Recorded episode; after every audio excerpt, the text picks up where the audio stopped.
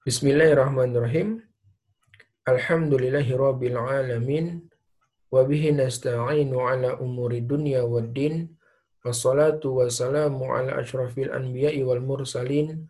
Wa ala alihi wa ashabihi wa man tabi'ahum bi ihsanin ila yaumiddin. Amma ba'd. Allahumma anfa' bima 'alamtana wa 'alimna ma yanfa'una wa zid ilma. Allahumma inna nas'aluka ilman nafi'an wa rizqan tayyiban wa amalan mutakabbalan. Alhamdulillah kita bersyukur kepada Allah Subhanahu wa taala pada kesempatan kali ini ya dipertemukan kembali pada majelis yang sama yaitu tentang fikih puasa yang kita ambil dari kitab Umdatul Talib Lilailil Ma'arib karya Al-Imam Al-Buhuti rahimahullah. Selanjutnya kita membaca pada bagian eh, halaman 126. Qala mu'alif rahimahullah faslun. Pasal tentang apa? Disebutkan oleh muhakkik fil makruhati wal, wal masnunati fil siyam. Pasal tentang perkara-perkara yang dimakruhkan dan perkara-perkara yang disunahkan dalam puasa. Al-Imam Al-Buhuti rahimahullah berkata, kurihu li imin jam'u riqihi fayabla'ahu. Dimakruhkan li imin bagi orang yang berpuasa. Baik itu puasanya puasa wajib maupun puasa sunnah. Makruh untuk apa? Jam'u riqihi, mengumpulkan ludahnya. Fayabla'ahu, kemudian dia menelannya. Ya. Ini perkara yang pertama dari hal-hal yang dimakruhkan, yaitu seseorang yang sedang berpuasa mengumpulkan ludahnya, kemudian dia menelannya, ya. Lalu yang kedua adalah wazauqu ta'amin dan mencicipi makanan. Ya, makruh hukumnya bagi orang yang berpuasa mencicipi makanan meskipun itu ada hajat atau ada kebutuhan. Ya. Ini yang kedua. Kemudian yang ketiga, wa'ilkun qawiyun dan juga mengunyah ya. Mengunyah sesuatu seperti karet ya dengan dengan kuat ya. Kenapa demikian? Karena ketika seseorang itu mengunyah sesuatu ya dengan kuat begitu, maka akan terhimpun padanya uh, air liur ya atau lendir ataupun air air liur yang dikhawatirkan itu akan uh, tertelan. Lalu kata beliau rahimahullah taala fa in wajada ta'mahuma bihalqihi aftar. Ya. Jika wajada ta'mahuma ya jika pada keduanya yaitu pada mencicipi makanan dan juga mengunyah dengan kuat ya ada makanan ya yang masuk bihalkihi kepada apa namanya tenggorokannya after maka dia berbuka alias batal. Seperti itu. Lalu kata beliau rahimahullah taala wa haruma dan diharamkan. Ya ini perkara yang diharamkan adalah apa? Maudhu ilkin yatahallala mutlaqan. Mengunyah ya mengunyah dengan kuat ya kemudian dia meremukkannya ya secara mutlak. Maksudnya secara mutlak di sini apa sama saja apakah e, nanti air liurnya itu ditelan ataupun tidak. Ya jadi haram secara mutlak ya bagi orang yang berpuasa mengunyah sesuatu ya mengunyah sesuatu lalu dia meremukkannya dia mengunyah dengan kuat ya kemudian dia meremukkannya sama saja apakah dia menelan ludahnya ataupun tidak. Ya, kenapa haram? Sebab tindakannya itu akan menjadi penyebab ya puasanya rusak. Wallahu a'lam. Ini perkara yang diharamkan yang pertama. Perkara yang diharamkan yang kedua adalah wabal'u nukhamatin ya dan haram menelan dahak. Ya sama saja apakah dahak tersebut dahak dari tenggorokan atau dahak dari dadanya atau dahak dari uh, apa namanya rongga yang lain. Kemudian kata beliau rahimahullah taala wa yuftiru biha dan berpuasa dengannya artinya bagi orang yang tadi ya uh, menel, mengunyah ya memamah atau mengunyah dengan kuat kemudian dia meramukannya Lalu sama saja apakah air liurnya itu masuk ataupun tidak dan juga bagi orang yang menelan dahaknya mereka berdua ya berpuasa karena sebab ter eh, mereka berdua berbuka puasa alias puasanya batal karena sebab tersebut ya. Wallahu a'lam. Berikutnya hal yang dimakruhkan dalam uh, berpuasa adalah watu krohu kublatun wadawa'i wata'in liman tuharriku syahwatahu ya. Dimakruhkan ya bagi orang yang berpuasa untuk apa? Kublatun mencium. Wadawa'i wata'in dan melakukan setiap perkara uh, apa namanya setiap perkara yang menjadi segala perantara untuk bersetubuh Liman tuharriku syahwatahu bagi orang yang bergejolak syahwatnya. Ya. Maka zahir dari kalimat ini makruhnya ini adalah bagi siapa? Bagi seorang yang masih muda, ya. Yang biasanya orang yang masih muda itu kan syahwatnya bergejolak. Maka bagi orang ini makruh untuk mencium istrinya. Ya. Dan makruh bagi dirinya juga melakukan segala hal yang di mana segala hal tersebut merupakan perantara kepada persetubuhan. Ya, ini. Kemudian kata beliau rahimahullah taala wa yajibu ijtinabu kadzabin wa ghibatin wa syatmin. Ya. Dan wajib bagi orang yang berpuasa, ya, apakah puasa sunnah maupun puasa wajib, ya, dia ijtinabu kadzibin wa ghibatin wa syatamin. Dia meninggalkan ya dusta, gibah dan juga mencaci. Berdasarkan sabda Nabi sallallahu alaihi wasallam, "Man lam yada qaula zur wal amala bihi Falaisa lillahi hajatun fi an yada'a ta'amahu wa syarabahu. Barang siapa yang tidak bisa meninggalkan perkataan yang dusta dan beramal dengannya, maka Allah Subhanahu wa taala tidak membutuhkan hajatnya. Ya, fi an yada'a ta'amahu wa syarabahu, maka dia hanya mendapatkan ya rasa lapar dan haus saja dari minumnya itu. ya, hadisnya riwayat Ahmad dan juga Al-Bukhari. Dan disebutkan dalam Hidayah Rogib, makna dari kata hajah, ya kan tadi ada kalimat falaisa lillahi hajatun, maka Allah Subhanahu wa taala tidak butuh terhadap hajatnya itu. Kenapa uh, yang dimaknanya hajat? Makna hajat ini adalah ai ridhaun wa mahabbah. Itu dia tidak akan mendapatkan ridha dan juga kecintaan Allah Subhanahu wa taala. Oleh karena itu Imam Ahmad rahimahullah beliau mengatakan yan bagi lisaim an yata'ahada saumahu min lisanihi. Sepatutnya bagi orang yang berpuasa an yata'ahada untuk menjaga saumahu ya untuk menjaga puasanya min lisanihi dari lisannya. Artinya seorang yang berpuasa dia menjaga puasanya agar puasanya itu tidak rusak. Agar puasanya pahala puasanya tidak berkurang. Ya. Menjaga dari apa? Dari lisan. Yang biasanya lisan itu keluar perkataan-perkataan dusta, keluar gibah, keluar namimah dan yang lainnya Ya, oleh karena itu, ya, hendaklah kita sebagai seorang muslim yang baik senantiasa menjaga lisan ini dari menyakiti puas uh, dari menyakiti saudara yang lain ya terlebih ketika dalam keadaan berpuasa ya.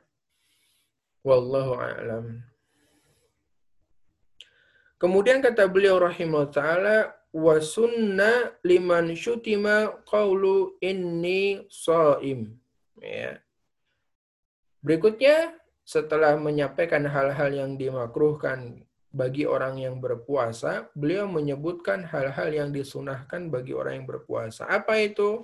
Yang pertama adalah disunahkan bagi orang yang e, berpuasa, kemudian dia dicela untuk mengatakan ini soim, aku sedang berpuasa. Ya, sesungguhnya aku berpuasa. Orang yang sedang puasa secara jahar.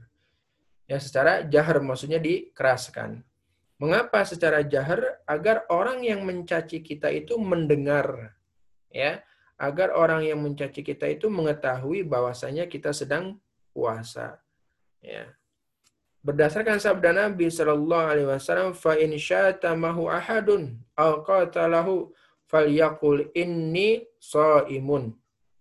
Maka jika salah jika salah seorang dari kalian dicaci ya atau ada yang mengajaknya uh, bertengkar, maka katakanlah ini so imun. Sesungguhnya aku berpuasa. Itu yang pertama. Ya. Kemudian yang kedua kata beliau rahimahullah taala adalah wa takhiru suhurin ya dan disunahkan juga mengakhirkan sahur. Ya mengakhirkan sahur.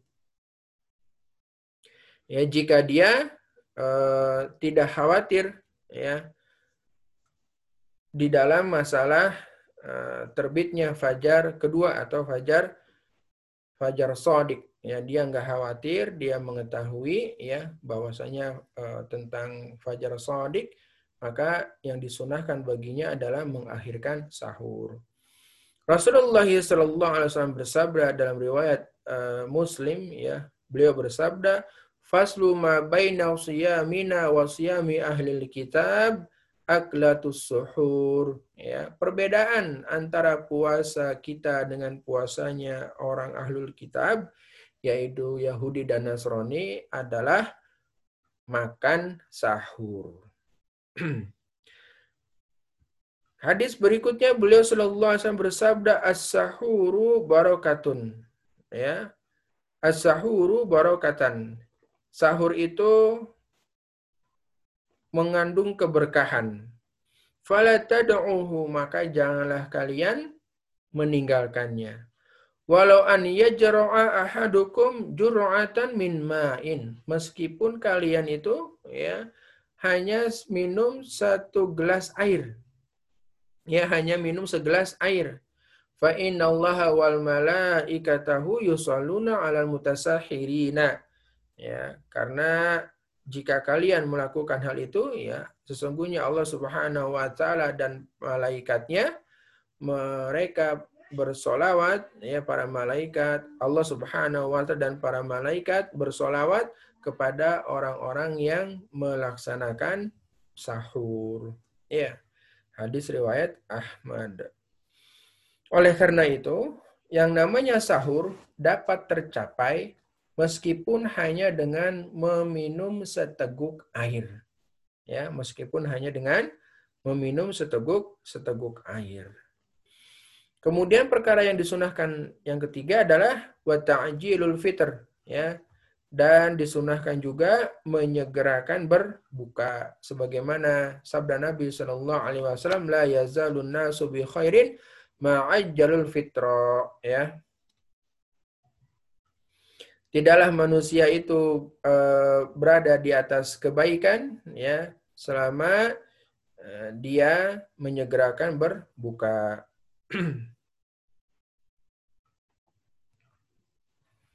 Hadis riwayat Al-Bukhari dan juga Muslim. Itu yang ketiga. Ya, berarti yang pertama adalah ketika dicela mengatakan ini so imun secara jahar Kemudian yang kedua adalah mengakhirkan sahur. Yang ketiga adalah uh, takjil fitr, menyegerakan uh, berbuka. Ya. Kemudian yang keempat ya adalah yang disunahkan juga wa kaunuhu ala rutabin. Dan ketika berbuka ya memakan rutob ya berbuka dengan dengan rutob. Fa lam yakun fatamarun. Dan apa namanya jika tidak ada ya maka menggunakan tamar kurma kering. Wa illa famaun. Dan jika tidak ada juga nggak ada rutob kurma basah tamar juga kurma kering nggak ada ya maka menggunakan apa menggunakan air Ya, sebagaimana sabda Nabi Shallallahu Alaihi Wasallam yang diriwayatkan oleh Anas radhiyallahu anhu, ya, karena Rasulullah Shallallahu Alaihi Wasallam yuftiru ala rutobatin qabla an yusalliya. Ya, adalah kebiasaan Rasulullah Shallallahu Alaihi Wasallam beliau berbuka menggunakan rutob ya sebelum melakukan sholat maghrib. Fa in lam yakun rotobatun fatamaratun dan jika tidak ada beberapa rutob maka beliau makan dengan beberapa tamar. Fa in lam yakun tamaratun hasa hasawati min ma'in dan jika tidak ada beberapa uh, tamar yang beliau makan maka beliau minum ya uh, air ya. Hadis riwayat uh, Abu Daud, Tirmizi dan beliau mengatakan hadisnya hasan gharib. Berikutnya yang disunahkan juga bagi orang yang berpuasa adalah wa qauluhu indahu yaitu berdoa dengan Allahumma laka sumtu wa ala rizqika aftartu subhanaka wa bihamdika Allahumma taqabbal minni innaka antas samiul alim. Ya. Doa ini ada yang mengatakan dibaca sebelum berbuka dan ada yang mengatakan dibaca setelah berbuka. Ya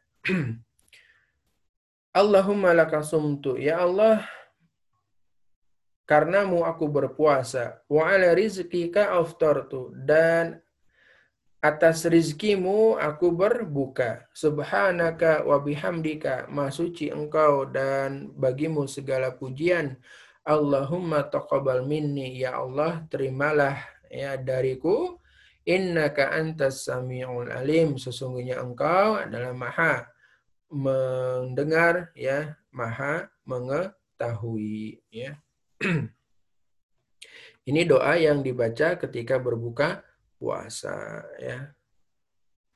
Kemudian ikhwatal iman rahimani wa rahimakumullahu jami'an.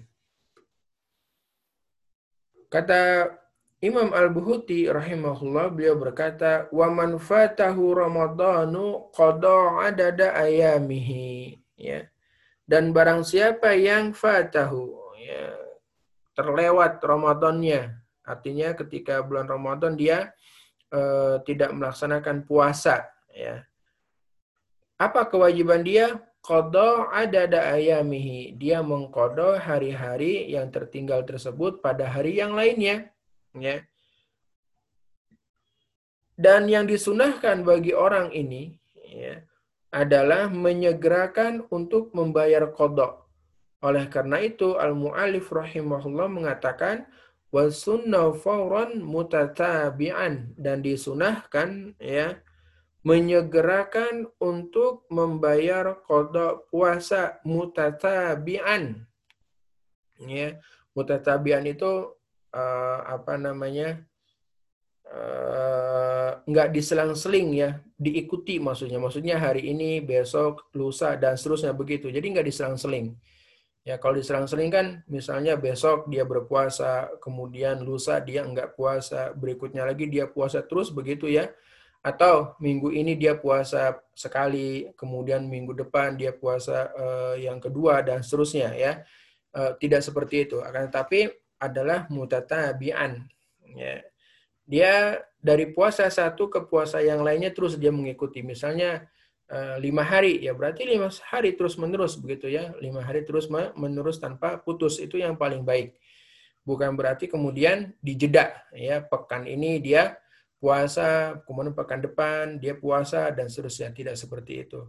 Kenapa tidak seperti itu ya? Meskipun sebenarnya boleh karena dikhawatirkan dikhawatirkan dia akan uh, lupa ya atau ada kebutuhan yang lain sehingga dia terlalaikan dari mengkodok uh, puasa Ramadannya. Berbeda ketika dia fauran mutatabi'an ya insya Allah ketika dia menyegerakan untuk mengkodok puasanya, kemudian dia mengikuti puasa yang satu, maksudnya eh, setiap hari, kalau lima berarti langsung lima hari begitu, maka ini lebih lebih baik ya. Terus bagaimana kalau ada orang yang mengakhirkan puasa, eh, mengakhirkan kodok Ramadannya, afan ya. Bagaimana? Maka kata al-mu'alif rahimahullah ta'ala, wa yahrumu ta'khiruhu ila Ramadan akhar bila udrin. Ya. Dan haram hukumnya mengakhirkan kodok Ramadan sampai Ramadan berikutnya bila udrin tanpa adanya uzur ya tanpa ada uh, tanpa ada uzur.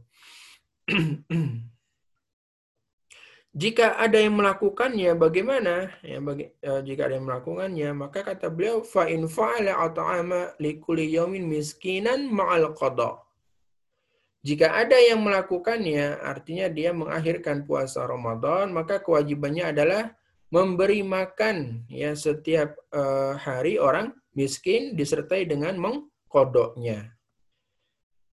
Memberi makan ya atau fidyah, dia membayar fidyah itu merupakan sebagai bentuk kafarah bagi dirinya.